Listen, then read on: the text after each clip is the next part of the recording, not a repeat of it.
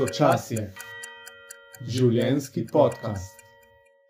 Uh, naša današnja gostja je Ula Gojo, mlada psihoterapeutka z Gorenske, uh, s katero se sprehodimo v svet, kako je biti mladostnik v sodobnem svetu. Najprej pa jo spoznamo na tudi zelo oseben način, zvemo, kako je prehodila kamino, tudi po zelo težki osebni izkušnji, ki jo je imela, in kako jo je ta pot izoblikovala v smislu, da je začela iskati tudi na drug način, kot mlada literarna komparativistka. Odločila se je za psihoterapijo, še posebej tudi za delo z mladostniki. In to je tudi naša glavna tema, še posebej pa digitalna zasvojenost, ki je, kot vemo, en večjih problemov sodobnega sveta. Uh, kljub težki temi, pa je Ula naj jo navdaja, oziroma naj jo je prevzela z nekim optimizmom in ob tem podala tudi nekaj kar konkretnih usmeritev za nas, ali kot vlogi staršev, vlogi prijateljev, oziroma tudi usmeritev za vsakega izmed nas, kako se torej lotiti problema z digitalno zasvojenostjo in kje postaviti pravzaprav mejo v tem svetu. Hvala, vabljen, vabljena k poslušanju. Ula, pozdravljena, lepo te imeti tukaj z nami. Živijo. Pa tudi kot z ostalimi, te povabva, da malo poveš, kaj te vse vodil v to smer življenja, kjer si zdaj, kje so ti dogodki, faktori v tvojem življenju, da zdaj tukaj sediš kot psihoterapeutka. Kaj je to? Ja, zdaj, ko nazaj razmišljam, več stvari je bilo. Um, prej sem ti omenila, da sem tlele se sprehodila čez uh, filozofsko fakulteto, moj prvotni študij je študij jezikov, pa primerjalne književnosti. Um, zaprav sem človek, ki ljubi zgodbe. Zgodbe so tiste, ki me navdihujejo, predvsem zgodbe ljudi. Um, In nekako tako me potem pot zanesla v smer raziskovanja človeške psihologije, zakaj počnemo neke stvari, kako jih počnemo. Tako da po študiju um, sem se še večkrat ustavila na področju glasbe, sem delala kot učiteljica glasbe, um, flaute in klavirja. Um, potem pa je dejansko moja počela tako da so ta vprašanja kar ustajala v meni. Se pravi, veliko sem se ukvarjala s, s psihologijo, brala sem knjige, zanimale so me te teme. In uh, nekako tak prelomni dogodek je bila moja pot na Camino de Santiago, uh, ki je tako kot en tak nemir je v meni naraščal do tiste poti, in pa sem začutila, da je nekaj nekaj v mojem življenju moram narediti drugače, eh, čutim, da moram zamenjati to smer, ker eh, nekaj je še tam, kar me zanima, s tem nisem zadovoljna. In ta pot je bila res tako prelomnica, da sem se srečala s sabo, prav tako globoka spoznanja sem dobila, uh, prišla v stik s svojimi občutki. Uh, in po tej poti sem nekako se odločila, da bom tudi nadaljevala v smeri psihoterapije in sem se upisala potem na študij psihoterapije ob delu. Uh, tako da zdaj sem na tem področju in tukaj, kjer sem. Uh, da, da pa tukaj na tem kavču sedim, je pa tudi najnamreč, kar že prej osebna zgodba. uh, Tako da nekako po tej poti sem šla. No. Jaz imam zmerno občutek, da me kar tako življenje vodi, jaz mu pa sledim in se mi odpirajo uh, vedno nove poti. In kaj to pomeni, ker so ravno pri poti, da si šla na to peš pot, če prav uh mhm. -huh. razumem, uh mhm. -huh. in si prišla v stik z enimi občutki, kako če lahko kaj več o tem poveš. Ja, um, kamino, ne pravijo, vsak ima neko nerešeno stvar, ki bi jo rad na tej poti razrešil. Jaz sem tudi imela svojo, uh, precej bolečo izkušnjo, izgubila sem oba starša leta 2011, uh, mami po dolgi bolezni, potem devet mesecev potem mu je še umrl oče, tudi tragično se je po nesreču. Um, jaz sem bila takrat stara, konec fakultete, 24 let, in uh, mlajšega brata sem imela za sabo. In to seveda pusti, pusti posledice, in ta dogodek je kar nekako ustal v meni, pač zamrznili so te občutki, in potlačila sem tudi vse, vsa, vsa ta proces žalovanja je bil zamrznjen, ne, ni bil izpeljan do konca. In, um, na študiju španščine se spomnim, takrat uh, smo brali neko delo in je bila potem opisana izkušnja o Camino de Santiago, in sem začutila, da wow, to, to je nekaj, kar jaz nekoč bom naredila. In potem so tako prihajale do mene informacije, pogledala sem film uh, od tej poti. In tako je, sem, sem imela nekakšen občutek, če grem tja, se bodo stvari mi mal postavljene na mesto. In sem res imela eno zelo močno izkušnjo uh, na tej poti, mogoče zdaj, ki malo bolj razumem, ne, tudi travmo, kako telo deluje. Um, veliko ljudi opisuje podobne izkušnje, ne po dolgotrajni hoji, ne se pravi, potem, ko smo sami, ki premlevamo občutke. Um, sem imela, to je bilo nekje na tretjini poti, uh, eno res tako močno duhovno izkušnjo. No, po noč sem zelo živo sanjala oba starša. Um, ampak to je bilo tako živo, da tam, ki spijo romari, nas je bilo deset v sobi, ne, jaz sem se zbudila in sem mogla vrniti, malo tako sem, sem bila vznemirjena.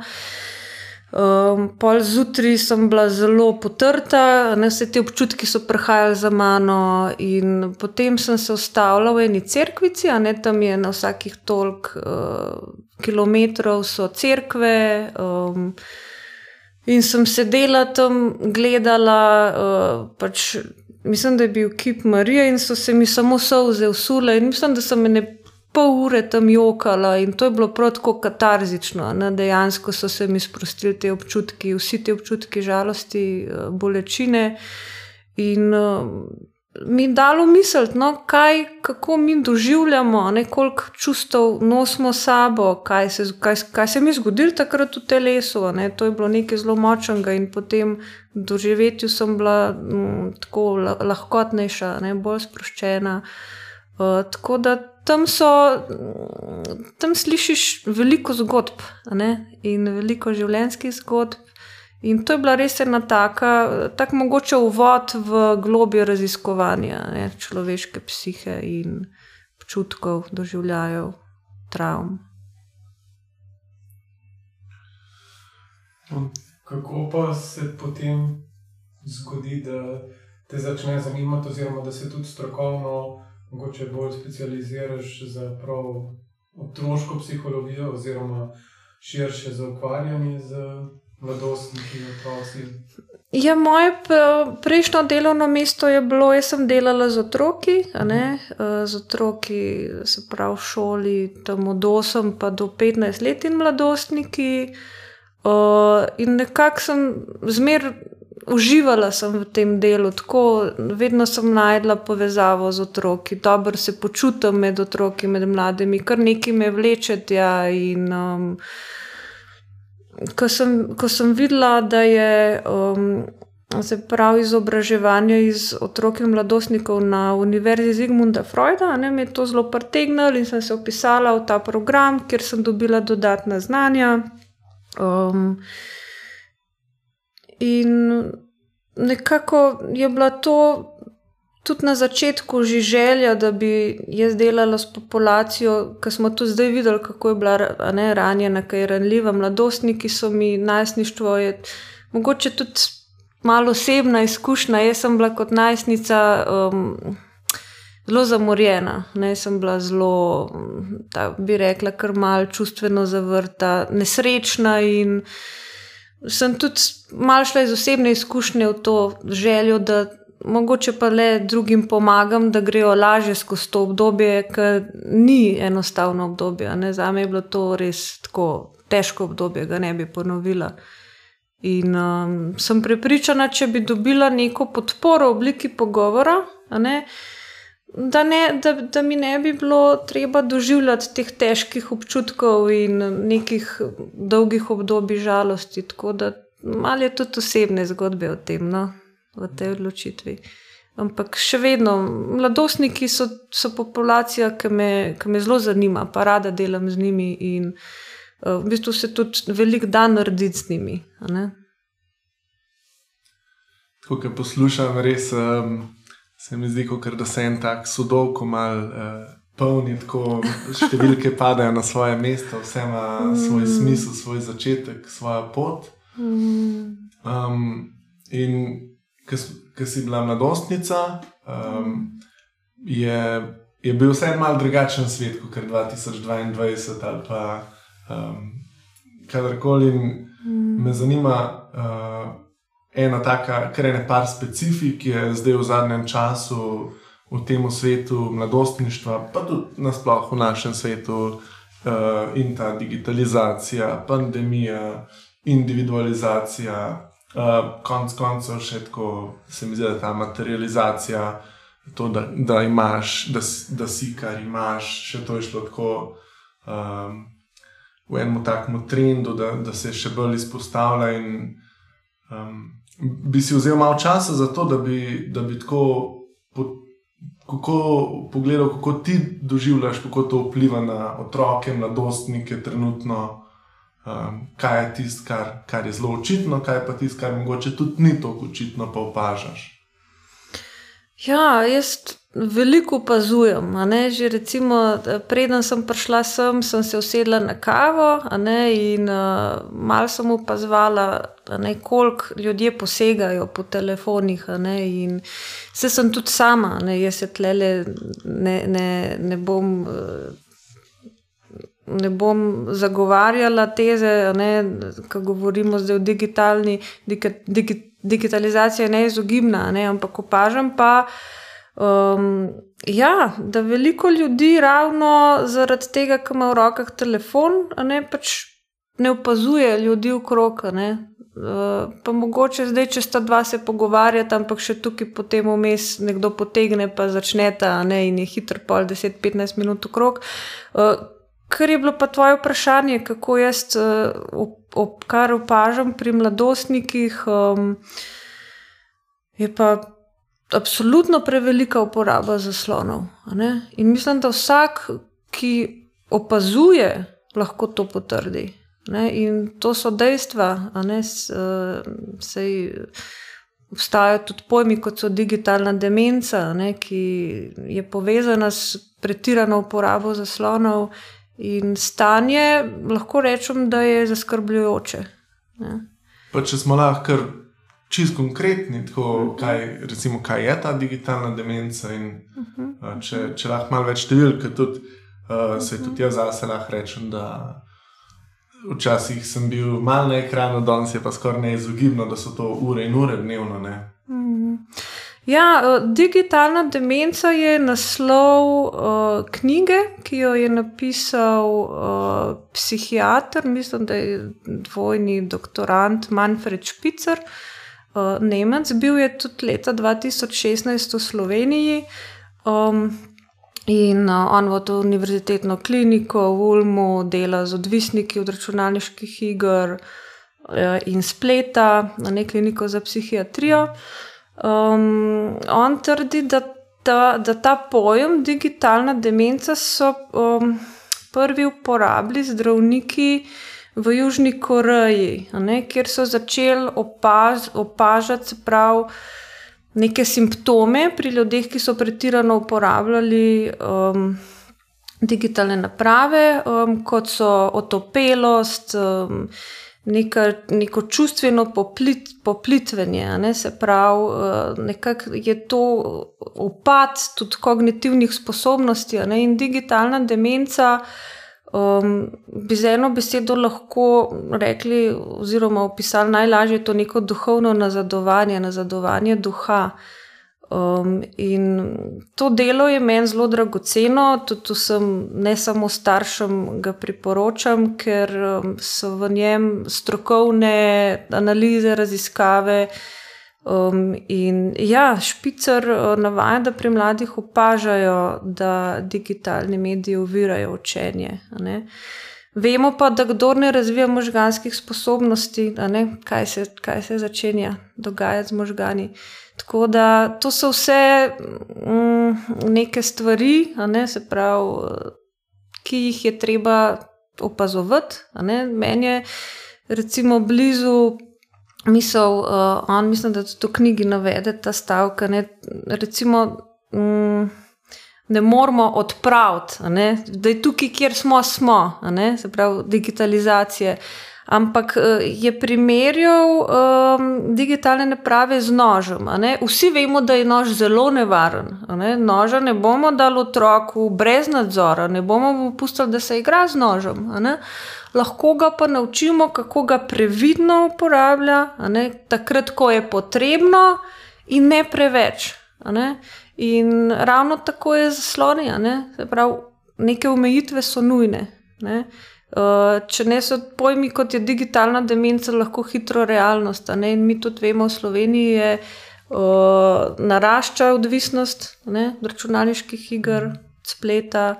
In uh, to so stvari, ki jih predvsem mi, terapeuti, moramo javno naglaš, naglaševati in predvsem starše opozarjati. Starši smo tisti, ki smo odgovorni za, za otroke. Tle, tako um, sem slišal, da je ta klinika za videoigrice. Uh mhm. -huh. Pa se mi zdi, ko se spomnim ene informacije, upam, da je približno točna da je v bistvu ta industrija, ki dela videoigrice, po budžetu v bistvu večja kot glasba, film skupaj. Hmm. Um, tako da potem na drugi strani, pri zaslonih, tudi vemo, da so giganti, kot so socialna mreža, Facebook, hmm. Instagram, da so to res gigantske korporacije, ki um, delajo eno. Eno idealno igrišče, ki te poskuša zadržati čim daljši čas, tako da je tudi v bistvu enkrat, ki padeš noter, um, težko, težko za res um, iti ven. In če pa to pač otrok, mladostnik, je mogoče tle noter še toliko lažje past. Um, pa se tako sprašujem, uh, kot jaz vem, je v bistvu pri fantih so bolj te igre, pri puncah so pa bolj ta socialna mreža aktualna. Um, in to drži, kakšne so izkušnje iz prakse. Kaj pa vem, jaz imam veliko uh, deklet, ki tudi igrajo video igrice. Sem bila presenečena, da se pogovarjamo. Um, jaz bi se sicer strinjala s tem, da je med fanti več video iger, zdaj ne poznam statistike. Ne, uh, ampak opažam, da tudi punce ne, igrajo. Predvsem mogoče tiste, mm, tiste punce, uh, ki se želijo približati ne, fantom. Se pravi, to se pa lahko tudi skozi igre. In tako, kot si prej rekel, uh, mladi zelo hitro padejo ne, v ta svet. In po eni strani lahko to razumemo čisto iz psihološkega vidika. Ne. Ljudje uh, ne maramo dolg časa. Vemo, sploh otroci, ne, tudi odrasli, ne, če, se dolg, če se dolgočasimo preveč časa, ne, um, to začnemo povezovati z osamljenostjo. Ne, se pravi, človek pa ne mara biti osamljen, ne, človek se ne mara dolgo, dolgočasiti. Ne, vemo pa tudi neuroznanost. Zelo napreduje, in kar je meni zelo fascinantno, ker sem brala to knjigo. Um, Špicer omenja, da so uh, o možganih, eh, se pravi, del možganov je zelo blizu tisti del, ki zaznava bolečino, pa osamljenost. Če dolg čas povežemo z osamljenostjo in vemo, da je to povezano z bolečino, je nekako naravno. V človeško vedenje, da se bo izognil dolg času. In kako bo to otrok to naredil, s, tim, s tistim, kar je najbližje, to je pa lahko telefon. Uh, tako da um, otroci pač tukaj zagrabijo tisto, kar je. In zato je to tako, tako zelo, to je res past. To je res past. In um, spet bom malo citirala Špicerja. On je rekel, da um, on je zelo, zelo kritičen, zelo kritičen je um, do zaslonov in uh, predvsem kritičen do, uh, do uporabe zaslonov pri otrocih in mladostnikih, ker vemo, da se možgani še razvijajo. Rekel, um, če mi uporabljamo zaslon, če otrok uporablja zaslon, ko mu je dolg čas, ne, je to tako, kot če bi pil slano vodo, ko je žejen. Se pravi, kar meni se zdi primerjava zelo na mestu. Prav, otrok se želi zabavati, igra video igro. Kaj je pa temu lahko?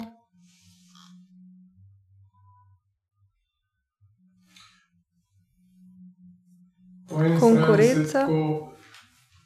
Zelo strinjam s tem, ko govoriš, po drugi strani se pa pojavlja ta občutek, da kot da gre za neki boj z mlini na veter, ne? če si sposoben to primerjati. V bistvu smo že tam in da mogoče samo kasimo posledice, ali pa da še to ne, no? da, tako, um, da je to nekaj, kar je pravzaprav po drugi strani ne mogoče omejiti ali zaustaviti ta val, ker se mi zdi, da da v bistvu ne, ok, mogoče danes imamo fokus na otrocih, pa mladostnikih, ampak se mi zdi, da smo vsi uh, praktično, sploh od mlajše generacije, kaj se jim pod uh, 45, recimo 40, mm. da smo vsi del tega. No. Mogoče je razlika samo v tem, da se kot starejši malce bolj zavedamo, ali pa da imamo mi mogoče izkušnjo še kako je bilo ali je brez tega. Mm. Pravzaprav te generacije, ki prihajajo zdaj, pa te izkušnje nimajo in se mi zdi, da, da predstaviti ali pa sploh povedati to idejo, da je to lahko tudi problem, da je že to v osnovi, se mi zdi neki izziv, s katerim jaz nisem imel še odgovora, kako sploh do njega pridno. Ker Tako kot praviš, če pogledamo neuroznanost, eh, psihologijo, pač izkušnje, ja, se zdi vse smiselno, ampak po drugi strani ti otroci nimajo nobene druge izkušnje, kako je biti brez tega. Ne? Torej, tudi doma, verjetno so to videli, uh, oni živijo od rojstva naprej tam. Kako ti to vidiš, oziroma ja, kako se srečuješ s tem? Kot si rekel, problem? ne moramo zaustaviti tega vala, lahko ga omejimo. Jaz, recimo, imam štiriletno hčerko, ne? mogoče le ne smemo posploševati. Ne? Um, jaz ne, ne dajem telefona. Ne? Jaz ne, ne dajem telefona v roke, uh, pogleda risanko, tablice nimamo, uh, računalnika ne uporablja. Uh, pogleda risanko in to je to. Tukaj se mi zdi, da kot mama, imam to nalogo, da je to omejim. Seveda, ko pride k starim staršem, je telefon, je tablica in ravno tu je zdaj to, kako ne, dopovedati. Ne, njej pol ure na telefonu, ne, večina bo rekla, kaj pa kaj to škodi otroku. Ne, pa naj se mal ne, zabava. Ne, pa jaz imam še mir, lahko v miru nekaj skuham, pa pospravim. Ampak ključ je v zaveščanju. Mi vemo, na kakšen način delujejo digitalne naprave na možgane. To ljudem povedati, to jim predstaviti. Eh, drsenje po tablicah ne krepi motorike. Ne? Se pravi, tukaj se tudi gre za senzomotoričnost. Imamo znanstvena dejstva, ki jih moramo zdaj razširiti, da bodo tudi starši vedeli, da, bo, da bodo lahko uh, dejansko razumeli, da s tem otroku škodujejo. Da, ko je otrok na telefonu, na tablici, na računalniku, tudi pred televizijo, da to škoduje njegovemu razvoju. Tukaj pa lahko naredimo veliko. Uh, in ta val vsaj omejimo. Če ga zaustaviti, ne moramo, lahko ga pa omejimo. Jaz sem imela ta teden, mogoče spet, ne, kako, je eh, kako je zanimivo to življenje. Ravno pred tem podkastom, je bilo to dva dni nazaj, sem pozabila doma mobitel. Dan je bil katastrofalen. Ne, sem dejansko ugotovila, da je mobitel podaljšek moje desne roke. Nisem mogla preverjati mailov, nisem mogla klicati, nisem mogla Facebook preveriti. Tudi to počnemo odrasli. In tako kot si rekel, ne gre. Ne, ne, ne, živ... Sploh se mi zdi, kar je, ne, kar je del tega, je definitivno tudi uporaben. Spravi napredek, ki ga je prineslo. Je pač tudi uporabnost, pravzaprav brez tega ne moremo dela upravljati. Mm. Po drugi strani pa zraven zapakiramo še nekaj drugega, kar pa nas, kar je v osnovi tako narejeno, nas pa vleče noter. Torej, da pa je ta odvisniški del, ki pa kaže, da ne moremo brez tega. Ne? In se mi zdi, te dve stvari razmejiti je pravzaprav res umetnost. Uh, Ja. Sej, uh, tle, tle se več, več misli se mi poraja. Ena je ta, da, da v bistvu so različni možganski predeli aktivni, ko uporabljamo tehnologijo za slon ali pa kaj drugega, za delo ali pa za zabavo. Ne. To je ena stvar, da, da je v resnici ta razmejitev, uh, či sama namennost mogoče. Um, s kakšnim veseljem se spravimo v tiste uh, razpredelence, pa tabele, uh, ali pa pogledati en film, je vse um, nekaj drugega. Um, potem tukaj, tukaj se pojavlja ta, ta v bistvu. Um, Kako da tako pademo v to luknjo, ker je tako v bistvu intenzivno, ker je to toliko um, to, ko so dobro. Državljani so tako intenzivni, ne? barve so. Ne? Tudi to so delo raziskave. Aj, ne vem, zdaj, da ne bom na robe povedala. Malčku so dal tablico, ne? seveda tam so barve zelo intenzivne, zvoki so ne? intenzivni, vse je privlačno ne? za oči, za čute, za ušesa. Zraven je bila pa ena košara igrač. Vsi, vsi so šli k tablici ker so tam tako močnejši državljani in točno to, kar si povedal, to državljani pač stimulirajo možgane in mi želimo pač iti tja, kjer je bolje, kjer je več državljanov. Ampak kaj se dogaja pa s telesom vmes, ki gleda otrok tablico, telo pa miruje. Mm. Recimo, ko ima otrok v rokah žogo, jo gnete, pa prime, pa krepi, spoznava meje svojega telesa, ko recimo se druži, pa recimo, da se skrivajo, ne vozi s kolesom. Ali ples, recimo, je zelo dober. Um, zanimivo, ne, mi smo, pa ne bom zdaj rekla, pri, primati. Zadnjič sem imela zanimiv pogovor, je rekel nekdo: Ula, veš, mi smo edini primati, ki plešemo, pojemo in igramo. Izven obdobja parjenja, ki živali to počnejo, ki se parijo. In uh, to so aktivnosti, kjer lahko vse to dobimo. Ampak. Vse to pomeni neko zadovoljstvo. Ja, užitek, eh, zadovoljstvo, eh, preženemo dolg čas, ne, zabavo, ne se zabava, se tudi odrasli posegamo po telefonih iz zabave. Se, ali pa iz dolg časa. Ali pa iz dolg časa. Ne? To dvoje. Tako, se pravi, kako poskrbeti za zabavo in dolg čas. Se pravi, to je bistveno vprašanje, kako omejiti rabo zaslonov in po drugi strani poskrbeti za to, da bo dovolj zabave, užitka, aktivnosti ne, na razpolago mladimi in otrokom, pa se tudi odraslim, se, se, se smo odrasli usamljeni, odrasli so tudi usamljeni. Absolutno, ja, zelo uh, cela pandemija usamljenosti. Uh, Misel mi je, mi je šla k tem o nekih zgodbah iz družinskih izletov, ko grejo na en družinski izlet in po enem takem pohodu, sprehodu, kako koli, ki ne bi bil prijeten, je v bistvu tisto, kar je um, se nabirala neka, uh, neka nervoza, neko nezadovoljstvo otroka in pomiril se je šele, ker je prišel nazaj domov in šel za ekran. Ne? In tle, tle bi mogoče dal ta kontrast, da v bistvu dolg čas ni zgolj samo slab, um, ampak omogoča tudi našim možganom, ki se dan danes ob tej prisotnosti tehnologije uh, gibljajo v okoljih, ki so, recimo, temu hiperstimulativna, da je ogromno držav, um, se lahko v bistvu na tak način možgani prav spočijo in to tudi uh, v bistvu.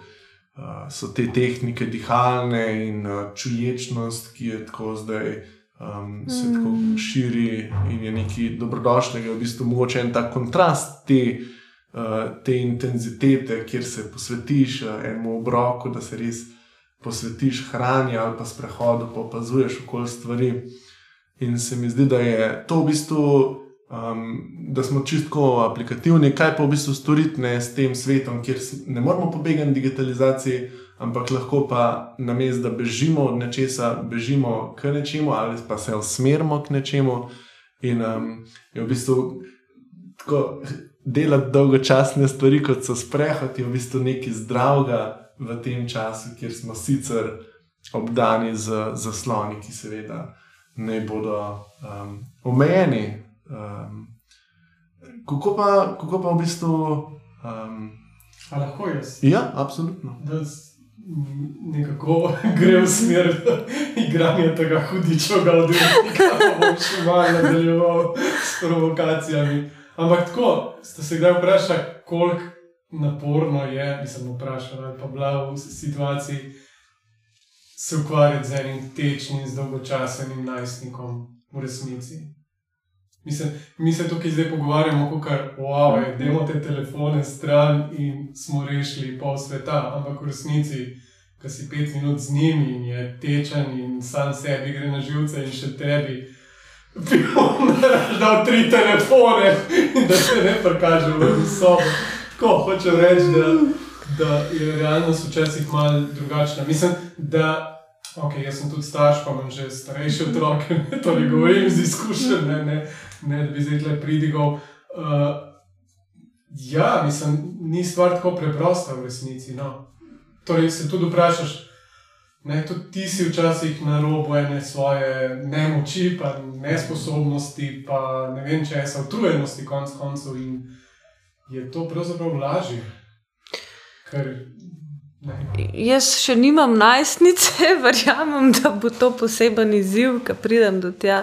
In tudi jaz, tlele, ne, sej, eh, nisem brez grehov, tudi jaz, hčerki, pržgem televizijo. Recimo, če sem mi pržgala televizijo, ne, tudi ona, kdaj dobi telefon. Uh, vem, da dobi telefon, ki je v varstvu, ne, pa se ne kregam zdaj. In, um, absolutno ni tako enostavno, ne reči najstniku, zdaj pa ber knjige, pet na sprehod, bod čuječ, ne, dihaj. Ampak po mojih izkušnjah, uh, ki delam z mladostniki, so zelo dovzetni za to. Ne. Zadnjič sem bila tako prav uh, presenečen, mi je, kaj mi je rekla 16-letna punca. Da je šla uh, na pokopališče, to zdaj je nek trend, da se tudi tam išče mir. Um, in da je sedela 15 minut v tišini in da je samo opazovala. Ne? Sem rekla, pa to je čuječnost. Ne?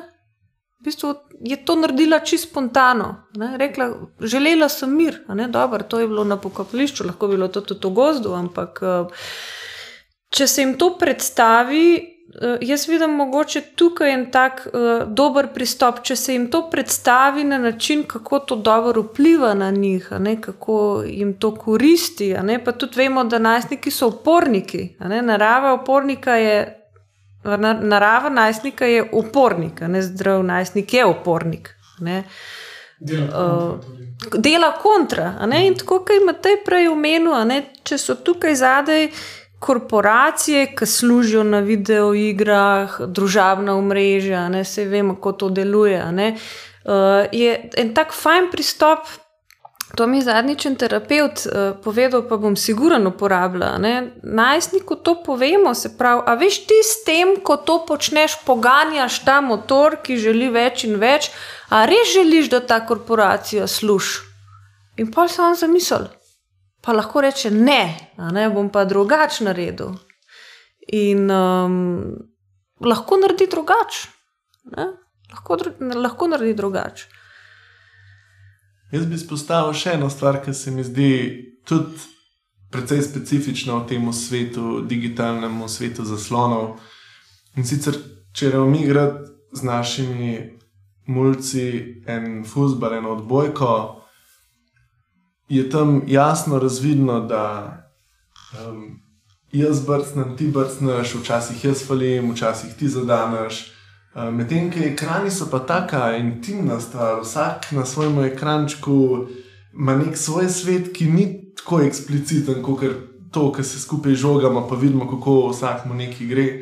In um, se mi zdi, da ena taka zdrava stvar, uh, ki, kjer uh, lahko naredimo en korak, je, da tudi mi podelimo z našo okolico, z, um, bodi si znotraj družine, bodi si s kolegi. Ehm, kaj pa mi počnemo sploh na teh naših zaslonih, um, in kaj nas posrka, in kaj nam gre na živce, in kaj nam je fajn, in ko gre čas za to.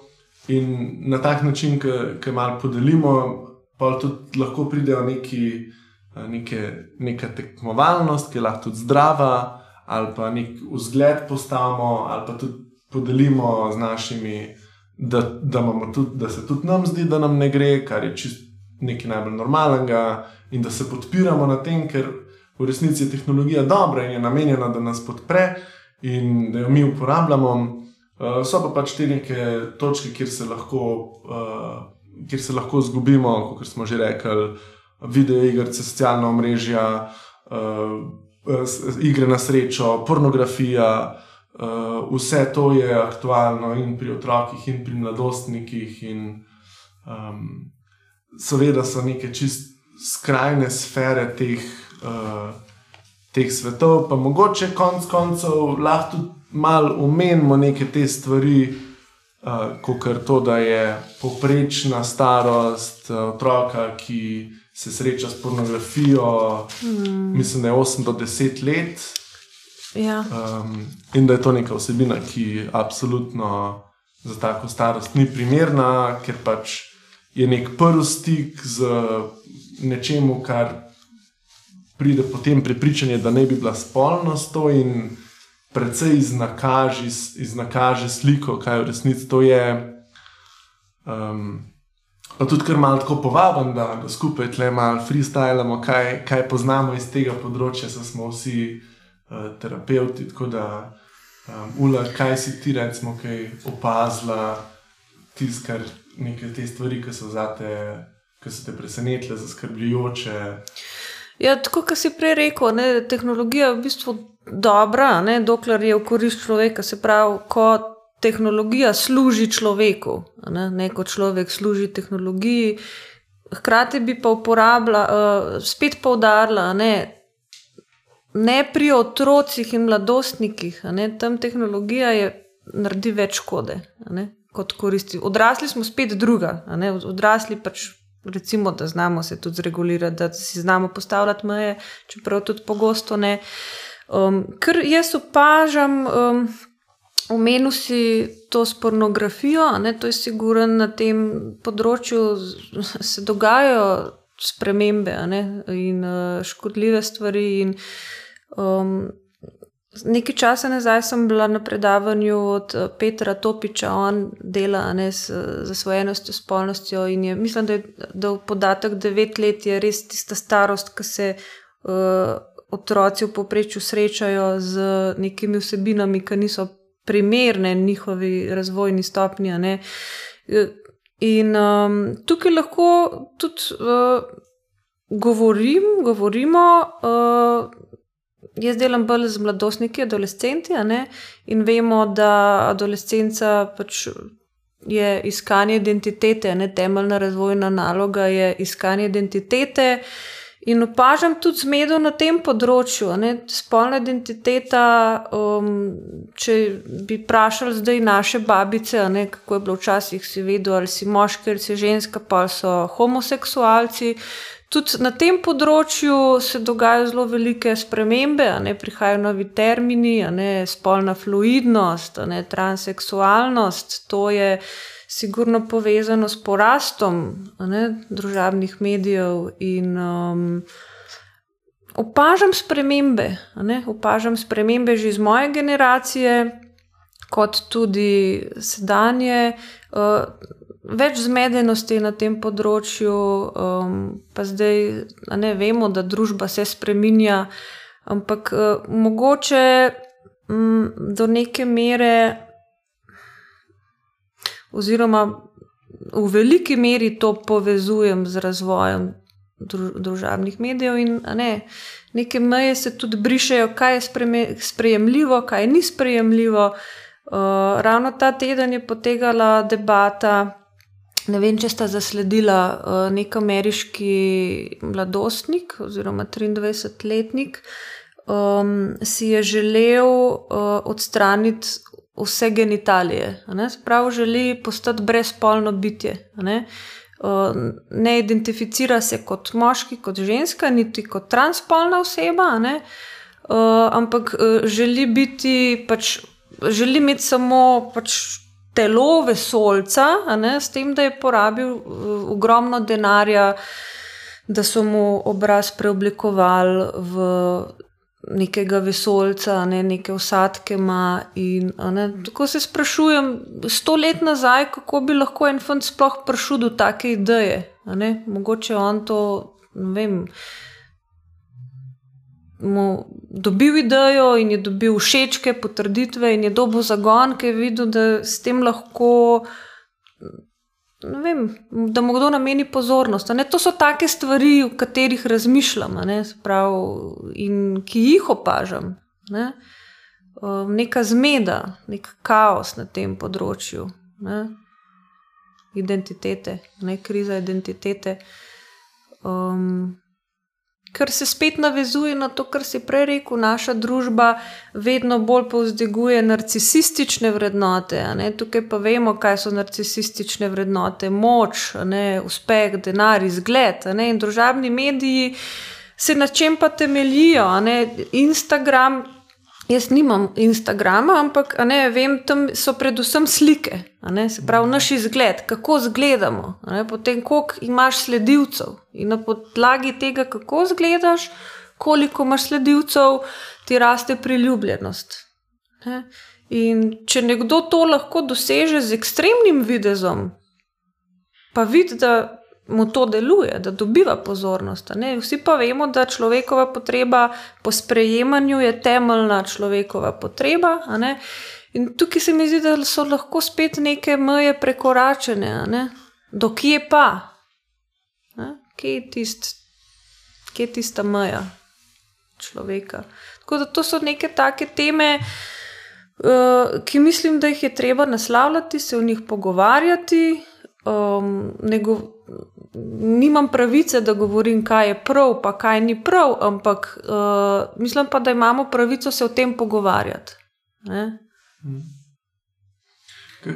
Kar izvoli.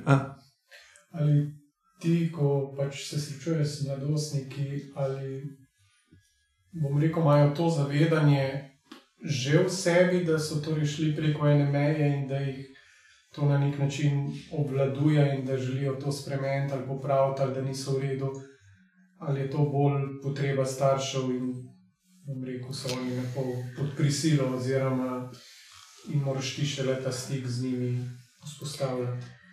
Njihova realnost je drugačna. Moramo vedeti, da oni preživijo več časa v virtualni resničnosti. Prav to je za njih resničnost. In njim je to v redu, njim je v redu, da so drugačni. Sej, tudi če gremo po ulici, vidimo, da se trendi spreminjajo. Ne? Recimo že barve las, zelena, modra, vijolična, ne? Eh, dodatki, ne? pač stili oblačenja, ne? mogoče neki. Uh, neki vilinski dodatki, ne všeska, obročki. Um, ampak to je njihov svet in starši so tisti, ki tega ne razumejo. Ne? Moja naloga je, da, pa mislim, da naloga vsakega terapeuta je, da odkriva vzroke, zakaj to počnejo, kaj jim to pomeni, ne? in da jih podpremo v tem, skušamo razumeti, ne pa spremeniti. Ne? In tukaj je večkrat težava staršev, da jih ne sprejmejo, ne razumejo, na drugi strani pa potem mladostnik pravi: Jaz pa ne razumem, zakaj me moja mama ne razume. Zakaj ne razume, da sem taka? Ne? In to so že različni svetovi. Ne? Jaz se pa čutim kot en most v mest. Jaz pa lahko razumem uh, in mamo, in to mladostnico, ki se v tem pač dobro počuti. Ona, ona se v tem dobro počuti. Ampak, tako kot si rekel, um, mladi so se rodili že v drugačen svet. Ne? Jaz sem Facebook dobila konec srednje šole. V osmem razredu smo imeli uh, tiste telefone na tipke. In uh, oni se pa rodijo, pri dveh, treh letih je malčku čist običajno, da ima telefon, ne to šibajo s prstki že po zaslonu. In tukaj so svetovi različni ne? in mi moramo iskati mostove med temi svetovi. Če ne bojo mladostniki še bolj potisnjeni v, en, v eno luknjo, v eno brezno, ki jih starši ne razumejo, sami sebe težko razumejo, in to je pa pol res lahko pot v katastrofo. Ne? Ja, se mi zdi, mislim, to, kar si zdaj na koncu rekla, tako zelo pomembno. Uh, tudi sam, recimo, pri svojem terapevtskem delu to opažam, ne, da je pač, kot sem prej rekel, starši ali pa pač starejši izhajamo iz ene druge generacije, imamo še neko drugo izkušnjo. Če mm. operiramo samo s tem strahom, ne, nekaj je narobe, ali pa jaz nisem v redu starš, ali pa z mm. otrokom je nekaj narobe da je potem zelo težko dobiti ta stik v bistvu in sploh zaupanje otroka, konc koncu, ne, da te bo sploh spustil zraven, da se bo pripravljen o tem pogovoriti, da bo pripravljen tudi slišati še kaj drugega. Zato se mi zdi, da moramo tudi mi, starejši, na, narediti en korak proti temu, kot si ti rekla, mm. da imaš to izkušnjo ali pa to moč, možnost, mm. da lahko razumeš tudi otroka. Mm. In tle jaz ne vem, se recimo spomnim, da je tako iz zadnjega časa ene, ene mame, ki je imela zelo težave s sinom, ki je veliko igra igrice, pa pač veliko v prostem času igra igrice. In pač prepoved ali pa karkoli, noč ni delovalo, ker je samo slabšalo ta odnos. In v bistvu smo se mogli učiti, ali pa smo skupaj raziskovali, kako bi se pa bilo sploh približati temu mm. sinovemu svetu, kaj v tistem svetu igr je noter, kako so torej tudi ti odnosi med prijatelji, ko skupaj v virtualnem svetu igrajo igrice. Torej, da mama skuša razumeti ta svet, da ja, polsko da, začne tako, zraven, da ga opazuje. Neka komunikacija sploh v, v, v zide, ker drugače je samo zid. V bistvu. Absolutno. In vemo, da prepovedi pri najstnikih ne delujejo, mm. ker je še večji odpor. In uh, tukaj, tukaj ne učimo, pa starši, kako se približati. Ja, kaj pa doživljaš, ko to igraš? Povej mi, kako ti pa bilo. Jaz včasih rečem, tudi, ne, če te ne zanima, skušaj se uživeti, probaj ga razumeti. Ne? Ker on vidi svet skozi druge oči. Ne? In stik, tukaj, tukaj je stik, včasih je stik lahko prek igrice ali pa prek filma ampak super, saj nek stik je. Poglejmo skupaj film, pa se pa o njem pogovarjajmo. To največkrat deluje pri najstnikih. Ne? ne, da prideš do njega, kaj pa ti počneš, kako pa si, najdete neko povezavo. Ne? Ampak za to si treba vzeti čas. Ne? Zato si treba vzeti čas, in otroci zahtevajo čas, prav tako najstniki zahtevajo čas. Ne? In kot praviš, ne, včasih, če ni tega stika, ne pride do napredka. Um, pa smo tako, se mi zdi, da um, en tak dober občutek je, si predstavljam, oziroma meni je bil, ko sem bil ne, upisan na neko dejavnost, recimo v glasbeno šolo, in potem so starši izrazili neko zanimanje, so prišli na tiste letni koncert ali kako koli. Um, in, in sem čutil eno tako en toplino, ne mogoče potrditev, da to je v redu. Uh, tako da je pa tle res se mi zdi, če je to ena taka stvar, ki jo otrok izbere, da ga pritegne. Um, da je potem, če ga že na prvo žogo zatremo, lahko res uh, slabo za naš stik z njim. Je pa, je pa res to, kar smo prej ugotovili, da je lažje padati v igrico, kot ker ne vem, v trening atletike, uh, ki zahteva veliko več enega napora. Um, jaz sem tlele, ki sem poslušal, sem se spomnil še nekaj stvari, ki danes govorimo o teh uh, digitalnih mrežjih in tehnologiji. In sicer um, čisto tako, da je pri dekalcah ta uporaba socialnih omrežij vseeno precej povezana z depresijo in sicer več, ko uporabljajo, več, ko se primerjajo. Um, manj uh, več je teh enih nesprejemajočih občutkov do same sebe, um, na podlagi tega, da je Instagram ali pa Facebook vsem zelo vizualen in postavlja neke standarde, kako bi mogli izgledati, kakšna bi mogla biti. In um, potencialno sploh nekaj še, uh, recimo, otrok, desetleten, ki bi rad bil ženska, pa se telo še ni razvilo, lahko le doživlja velike ene frustracije. To sem, mm. to sem tudi jaz doživel tako v šolstvu, da je to kar, um, kar nekaj zelo, zelo um, pogostega in da se mi zdi. Da pa vseeno, kljub temu, da je doskrat že dominanten ta svet, da, da, da so več v tem digitalnem svetu, um, da sem doživel eno olajšanje, ko sem poleti delal uh, z otroki v varstvu. In so na začetku poletja se tako še manj znali zaigrati, medtem ko proti koncu poletja, ki je bilo ogromno te proste igre. To si mogoče domišljam, ali pa si želim, da, da je bilo temu tako. Ampak sem opazil to občutno razliko, kako so se ob koncu poletja že sami znali zaigrati. Um, otroci med sabo in to ta nek 6, 7, 8 let uh, starostna skupina.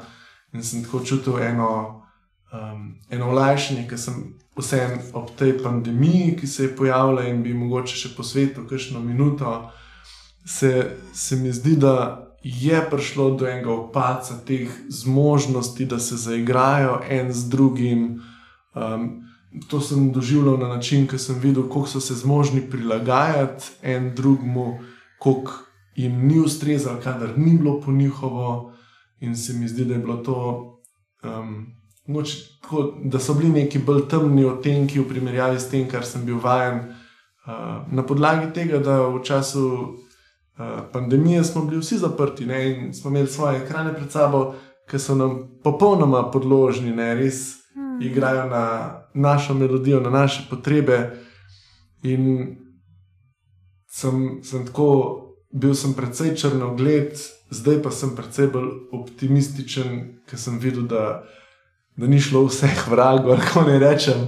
Um, pa, pa bi tle tako malo podelil, kako pa vidva to doživljate. Ali, ali se vam zdi, da bodo te posledice pandemije, tega zaprtja, te nesocializacije otrok. Um, da se bo to popravilo, da bo to dolg trajalo, da bomo to še v prihodnosti veliko, mislim, priča tem, kako, kako vidva doživljate to.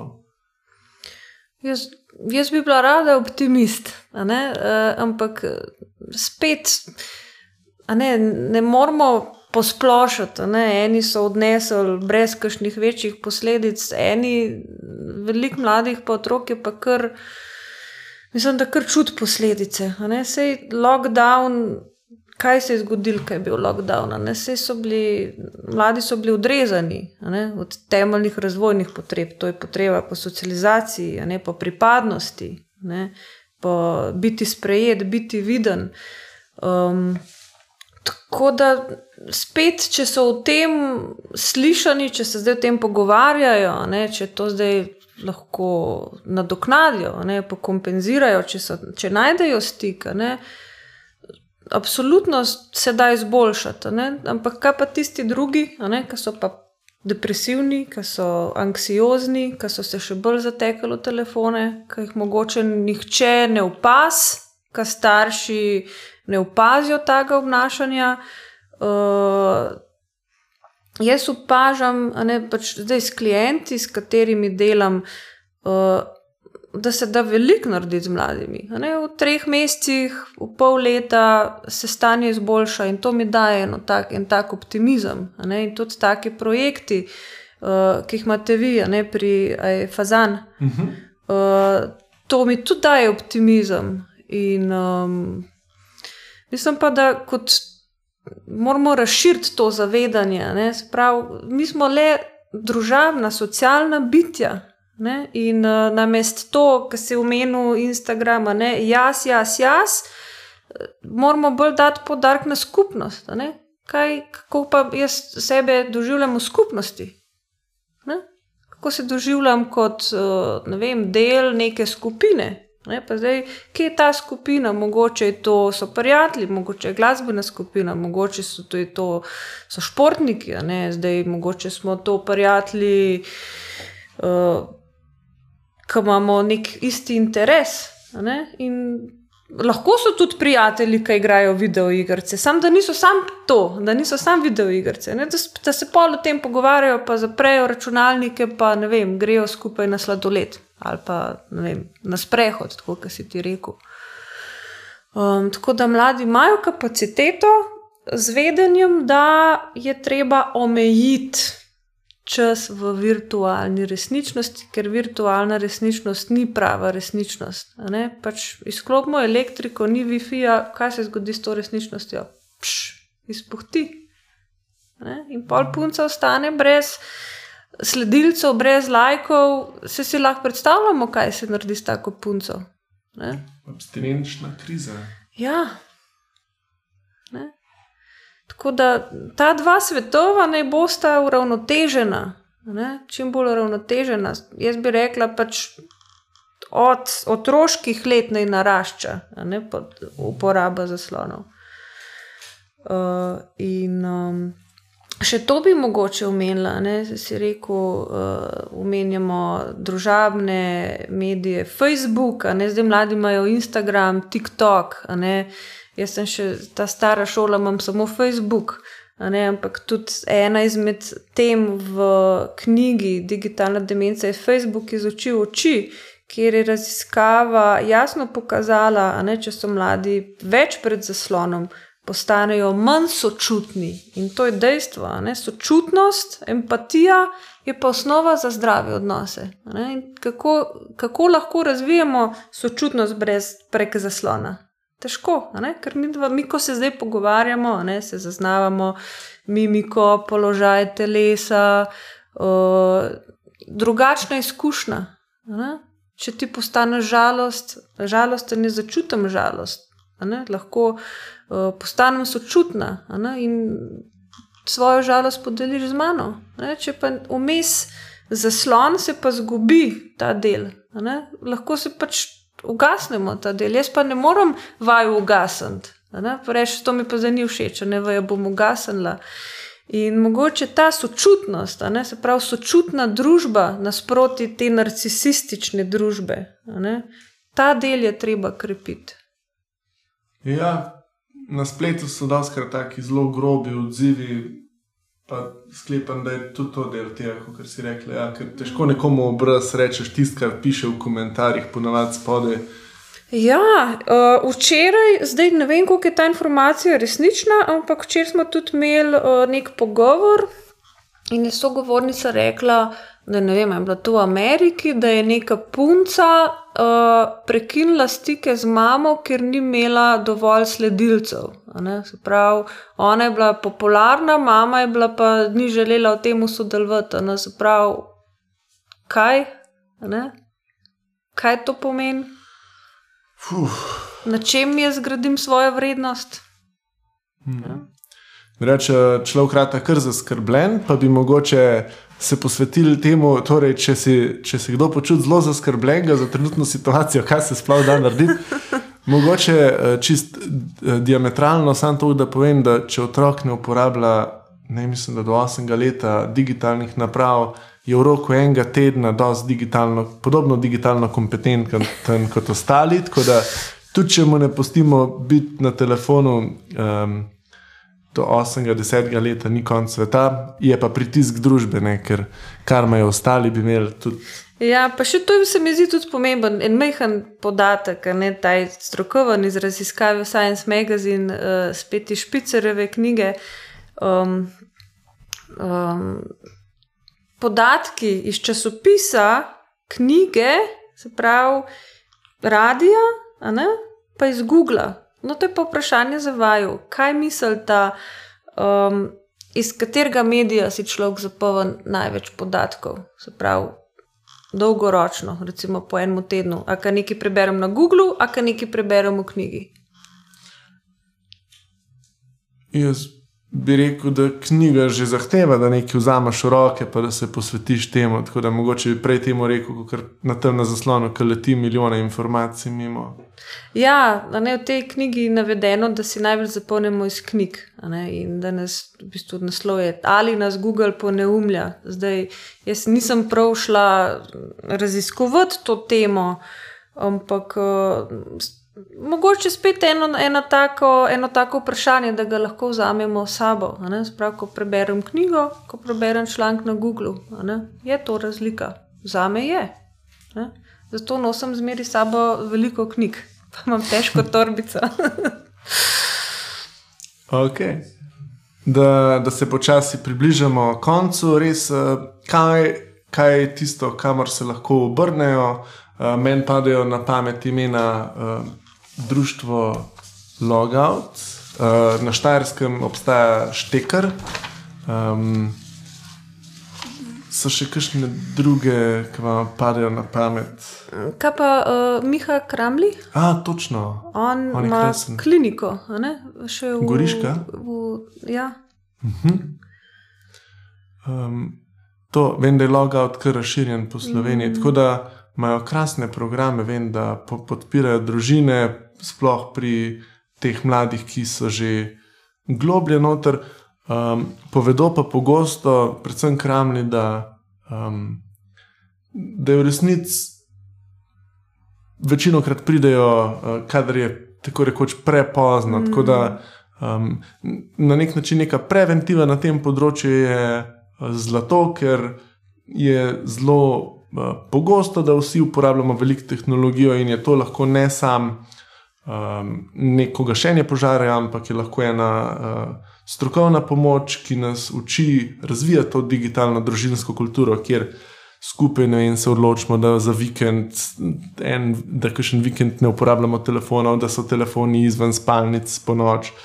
Um, Seveda so lepo otroci znajdljivi na stojen način, ampak da se s tem ukvarjamo, da je to en del uh, vzgoje v 21. stoletju, ki je uh, pomemben, uh, oziroma celo uh, nepogrešljiv. Jaz bi kar uvedla dan brez telefona v družinski urnik.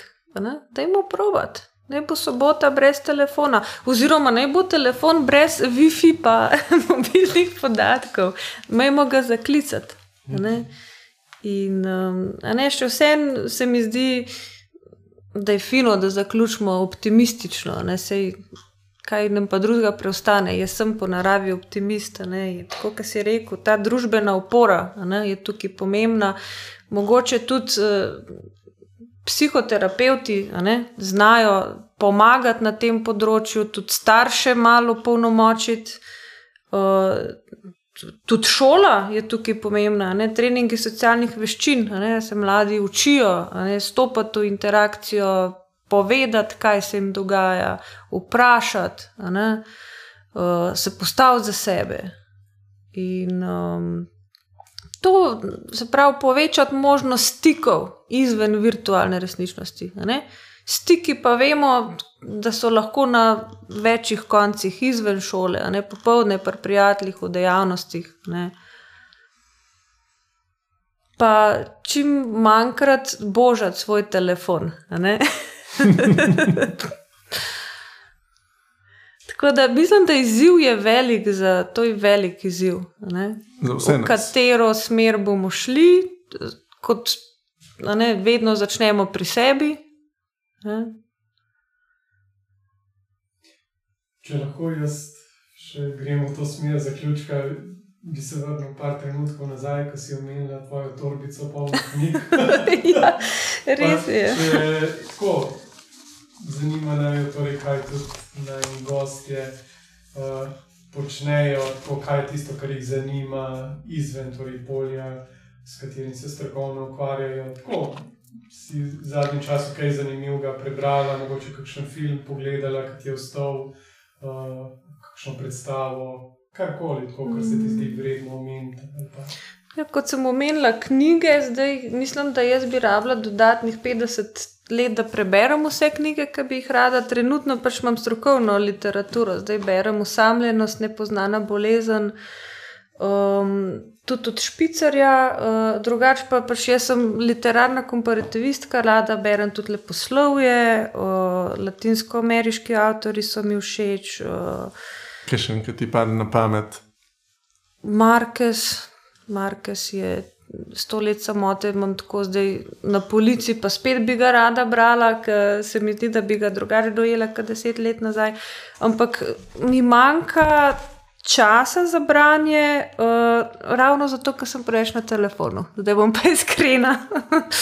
Uh, tako da um, branje, pač jaz sem knjižni mal, jaz najraje berem, uh, drugače se posvečam hčerki, odkrivam ta ponovno otroški svet, uh, sem čuječa, opazujem naravo. Uh, včasih se zalotam, kako po petih minutah, ki tistega polža gledam, mi že mal eh, začne nagajati moj um, ampak otroci so super uh, trening za čuječnost. Mm. Ne, ker oni so naravno čuječi, ne, oni opazujejo naravo. Ne, in uh, tudi jaz se to učim z njo. Um, filmi, filme, uh, tudi filme rada pogledam, zdaj mi pade kašen na pamet. Mm, Zadnji sem en španski film gledala, ampak se ne spomnim naslova. Tam mi je bil všeč. Uh, Mogoče se spomniš, kasneje pa nam pošlješ, ga bomo dali v opis. No, bom, bom poslala. Uh, tako da to narava, preproste stvari. No? Preproste stvari, pa mislim, da že v mojem poklicu, ne se je psihoterapija, vemo, da je tudi neke vrste umetnost, ne tudi te zgodbe so mi nek tak navdih. In, uh, Če pogledaš vsakega človeka kot nekoga, ki ima svojo zgodbo, se mi zdi, da je to zelo lahko dragoceno. Se Pravi, kakšno zgodbo pa imaš ti, ne, kaj je pa tvoja zgodba. Uh, tako da to so nekako take preproste stvari. Recimo, danes sem zelo uživala, sem šla na kavo in sem bila v vlogi opazovalca, pol ure in recimo rada opazujem ljudi, ki grejo mimo, pa si pa tudi zgodbe, recimo, v svoji glavi ustvarjam. To. Krasna ula. Uh, Dobro te je bilo imeti tukaj z nami. Jaz mislim, da smo veliko dobrega rekli. Um, Mm. In absolutno, da tehnologija bo tle z nami ostala, pred nami so mikrofoni in en tak majhen snemalnik, za katerega smo zelo mm. hvaležni, da ne rabimo več tistih velikih uh, stvari, da sploh lahko posnamemo tak pogovor uh, in telefoni in vse. Um, Dajmo jih uporabljati čim bolj, pa uh, Čim bolj zavestno. čim bolj zavestno. Ja, čim bolj zavestno in s pametjo. Okay. Hvala. Hvala vama za povabilo.